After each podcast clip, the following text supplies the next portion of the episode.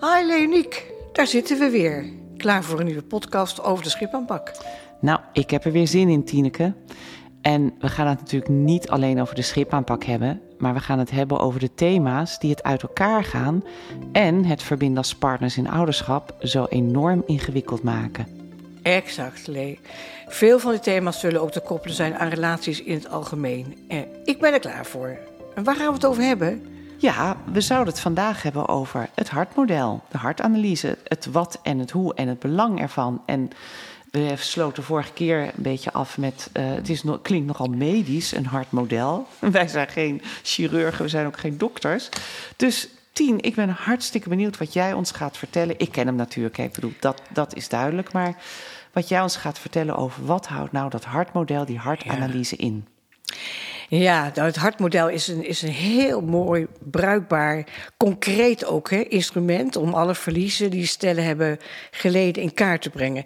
En voor de, voor de stellen uh, is het één grote chaos. Het loopt allemaal door elkaar. Dus het is heel fijn om, om, zeg maar, om daar structuren in, in aan te brengen. En wij zeggen altijd, hè, om goed te kunnen functioneren is het noodzakelijk dat uh, mensen het gevoel hebben dat ze regie hebben over hun leven, controle. Dat is van belang. dat ze een goed zelfbeeld hebben, hè, het gevoel dat ze ertoe doen. En, en ook dat wat er in hun leven is gebeurd, een zekere mate van rechtvaardigheid in zich heeft. Nou ja. en, en dat er een toekomstperspectief is. Nou, als je uh, dat weten we allemaal, dat we uh, geen enkele regie of controle hebben over ons leven. Want in een split second kan de hele wereld er anders uitzien. Maar we hebben wel het, het nodig om goed te kunnen functioneren.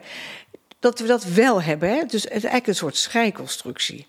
En dat gebeurt ook voor uh, rechtvaardigheid. Nou, als er iets niet rechtvaardig is, zeg ik altijd, is het de verdeling tussen verliezen en conflicten. Ik ken allemaal situaties waarvan we denken, nou zeg, dan heeft ze eerst uh, uh, borstkanker gehad, dan gaan ze uit elkaar. En dan eh, verliezen ze ook nog een kind of eh, andere grote, grote eh, verliezen in, in, in het leven. is het niet een beetje genoeg? Ook daar zit geen enkele, geen enkele rechtvaardigheid in, in die uh, verdeling. En we hebben het nodig om goed over onszelf te denken. Hè. We moeten onszelf toch, uh, uh, ja, moeten toch het gevoel hebben dat we ertoe doen en dat we er mogen zijn. En we moeten een toekomstperspectief hebben. We moeten, het moet ergens toe, leiden. Hè. Je moet ergens een stip op de horizon hebben. En het leven moet een doel hebben. Als wij dat niet zouden hebben, zouden we bij wijze van spreken als bed niet eens meer uitkomen. En dus eigenlijk die vier elementen: het, het, het, de regie, controle, zelfbeeld, toekomstperspectief en rechtvaardigheid. Dat zijn eigenlijk de vier pijlers waar waar ons leven op, zeg maar, op rust.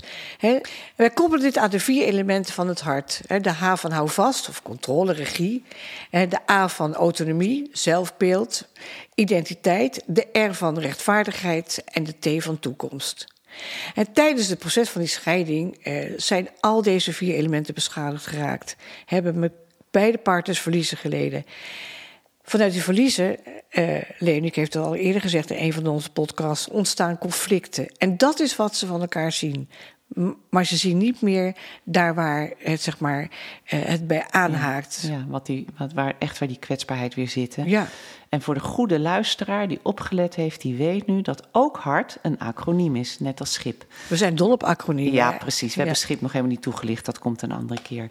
Kijk, waar het, wat ik altijd zo mooi vind van die hartanalyse, dat mensen echt werkelijk waar geen idee hebben waar de pijn van de ander zit. Want dat is wat jij natuurlijk ook zegt. Ze zien het gedrag.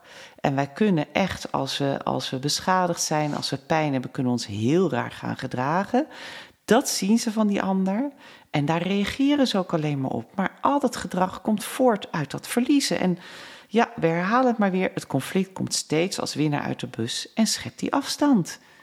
Ja, wat wel is lastig is, hè, ik moest opeens denken aan het stel waarvan hij vreemd was gegaan. Uh, en waarvan zij echt oprecht dacht dat hij niets had verloren. Want oh, ja, hij die was ken toch, ik, ja. ja. Die ken ik, ja. ja. Hij was er mooi mee weggekomen, had een nieuw, leuk nieuw leven. Hè? En, en uh, hij was de overwinnaar, bij wijze van spreken. Maar dat hij ook rouwde om de verloren relaties en zijn gezin... en de, en de toekomst met hun samen, het toekomstbeeld... was voor haar een eye-opener. Ja. En dat, kijk, je, ja. En voor hem was het ook een soort van, oh, ik mag dus ook verdrietig zijn. Ja, ja. daar helpen wij ze ook bij, hè? Ik heb er ook recht op. Te realiseren, ja. Nou, maar je zegt ook van die eye-opener. Want ik denk, het zijn ook echt die dingen die zo die verbinding maken bij, bij ons in de praktijk. Mm. Misschien moet ik het bij mezelf houden, maar bij mij in de praktijk.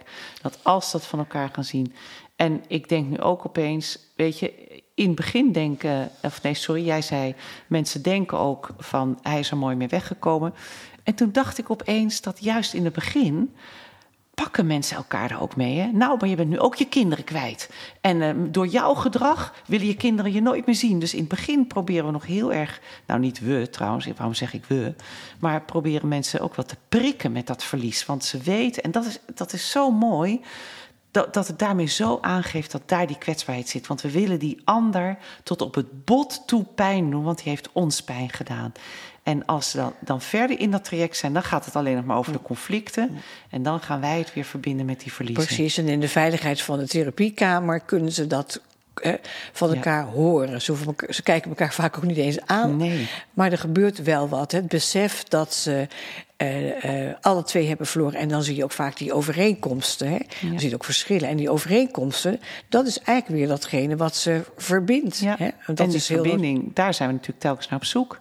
Steeds naar op zoek, ja. Nou, ik hoop dat, uh, dat we de hartanalyse zo duidelijk genoeg hebben kunnen uitleggen. Ik denk in ieder geval wel, het is altijd weer heel goed om ons te realiseren. En ik pak hem maar weer terug. We kunnen het niet genoeg herhalen dat onder alle conflicten een verlies of een angst voor een verlies zit. Absoluut. Dit was het voor vandaag. Volgende keer nemen we weer een ander thema onder de loep. Wil je in de tussentijd meer weten? Kijk dan op de website schipaanpak.com. Voor nu willen we je hartelijk bedanken voor het luisteren. Oké, tot de volgende keer. Deze podcast kwam tot stand met Tineke Rodeburg en Leoniek van der Marel, ontwikkelaars van de schipaanpak, en Kiki Stordio, die heeft gezorgd voor de regie en de muziek.